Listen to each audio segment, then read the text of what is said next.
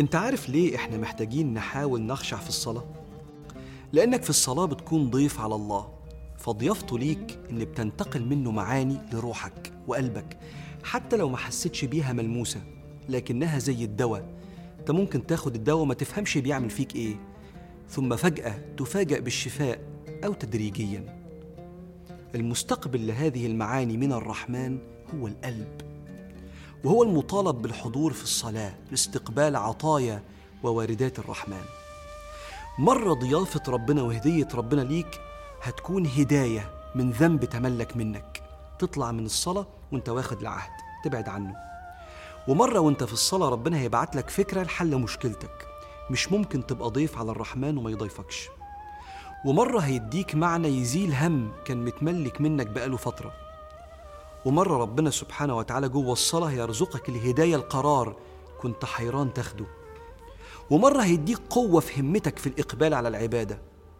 كده كده ليك ضيافة لأنك ضيف على الرحمن في الصلاة. وده معنى قول الله سبحانه وتعالى أقم الصلاة يعني كن حاضرا في الصلاة. وأقم الصلاة. إن الصلاة تنهى عن الفحشاء والمنكر. في ضيافة هتاخدها هتساعدك على السير إلى الله. يقينا بعد كل صلة مع الله في شيء هينتقل إليك لأنك زائر على الرحمن وحق على المزور أن يكرم الزائر. عشان كده السنة السكون بعد الصلاة. في أذكار ما بعد الصلاة. أنت بتقعد كده تسكن عشان تستقبل معاني الرحمن تستقر بعد الصلاة مش تقوم على طول. كيف تخشع في الصلاة؟ الموضوع اللي بيسأل عليه الدنيا كلها. والعلماء اجتهدوا جدا في المسألة دي سواء من كلام ربنا في القرآن أو كلام سيدنا رسول الله عليه الصلاة والسلام في السنة. وأنا هقول لك خطة والموضوع يستاهل خطة. تصور بعد سنة من النهاردة هتعدي كده. بقيت خاشع في الصلاة بعون الله سبحانه وتعالى. الخطة دي بتبدأ بست شهور قراءة عن أسماء الله الحسنى عشان تتعرف على ربنا. فتزداد هيبة عند قراءة أسماء الجلال وتزداد محبة عند قراءة أسماء الجمال. هو أنت لما تتعرف على ربنا مقامه هيقل في قلبك ولا هيعلى؟ هيعلى طبعا. هتعرف ربنا.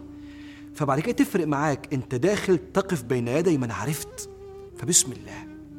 هيحصل لك زي ما حصل لأحد طلبة العلم لما كان قاعد جنبه عالم. هو بيجله بس ما يعرفش إن هو ده العالم. فلما عرف انتفض إنه قاعد جنبه إنه يدرك مقامه. فأنت هيحصل لك انتفاضة في إحساسك بالصلاة لما تعرف الله سبحانه وتعالى. حتى ولو خدت ست شهور قراءة يا ما عدى من حياتنا ست شهور كتير ولسه صلاتنا زي ما هي. فبسم الله ابدأ قراءة عن الله. رقم اتنين صلي في مكان هادي. يساعدك إنك أنت تستجمع خشوعك ونفسك. ودي وصية رسول الله ووصية الصحابة. أن تفرغ خاطرك للصلاة. اش قاعد في مكان مشتت وفي ناس وفي صوت فتلاقي نفسك مش قادر تستجمع قلبك. صلي في مكان هادئ لأن افتعال الخضوع يأتي بالخشوع. فسكن جوارحك بمكان هادئ. وهقول لك على حاجة تالتة كمان.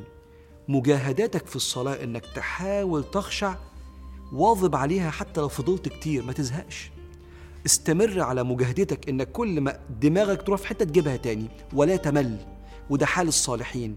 والعلماء قالوا إن الإنسان اللي بيجاهد نفسه على الخشوع جوه الصلاة له أجران أجر الصلاة وأجر المجاهدة مجاهدة النفس. لأنك بعد القراءة عن الله. ثم الصلاة في مكان يساعدك على الخشوع. ثم الاستمرار في مجاهدتك لعقلك إنه يتوجه إلى الله هتبقى من الخاشعين. والخاشع ده مرتبته أعلى من مرتبة المجاهد. دايما لما بنيجي نقيس على حاجة الحاجة اللي بنقيس عليها بتبقى أعلى. نقول يا ريت نبقى زي ده. قال صلى الله عليه وآله وسلم مثل المجاهد في سبيل الله. والله أعلم بمن يجاهد في سبيله.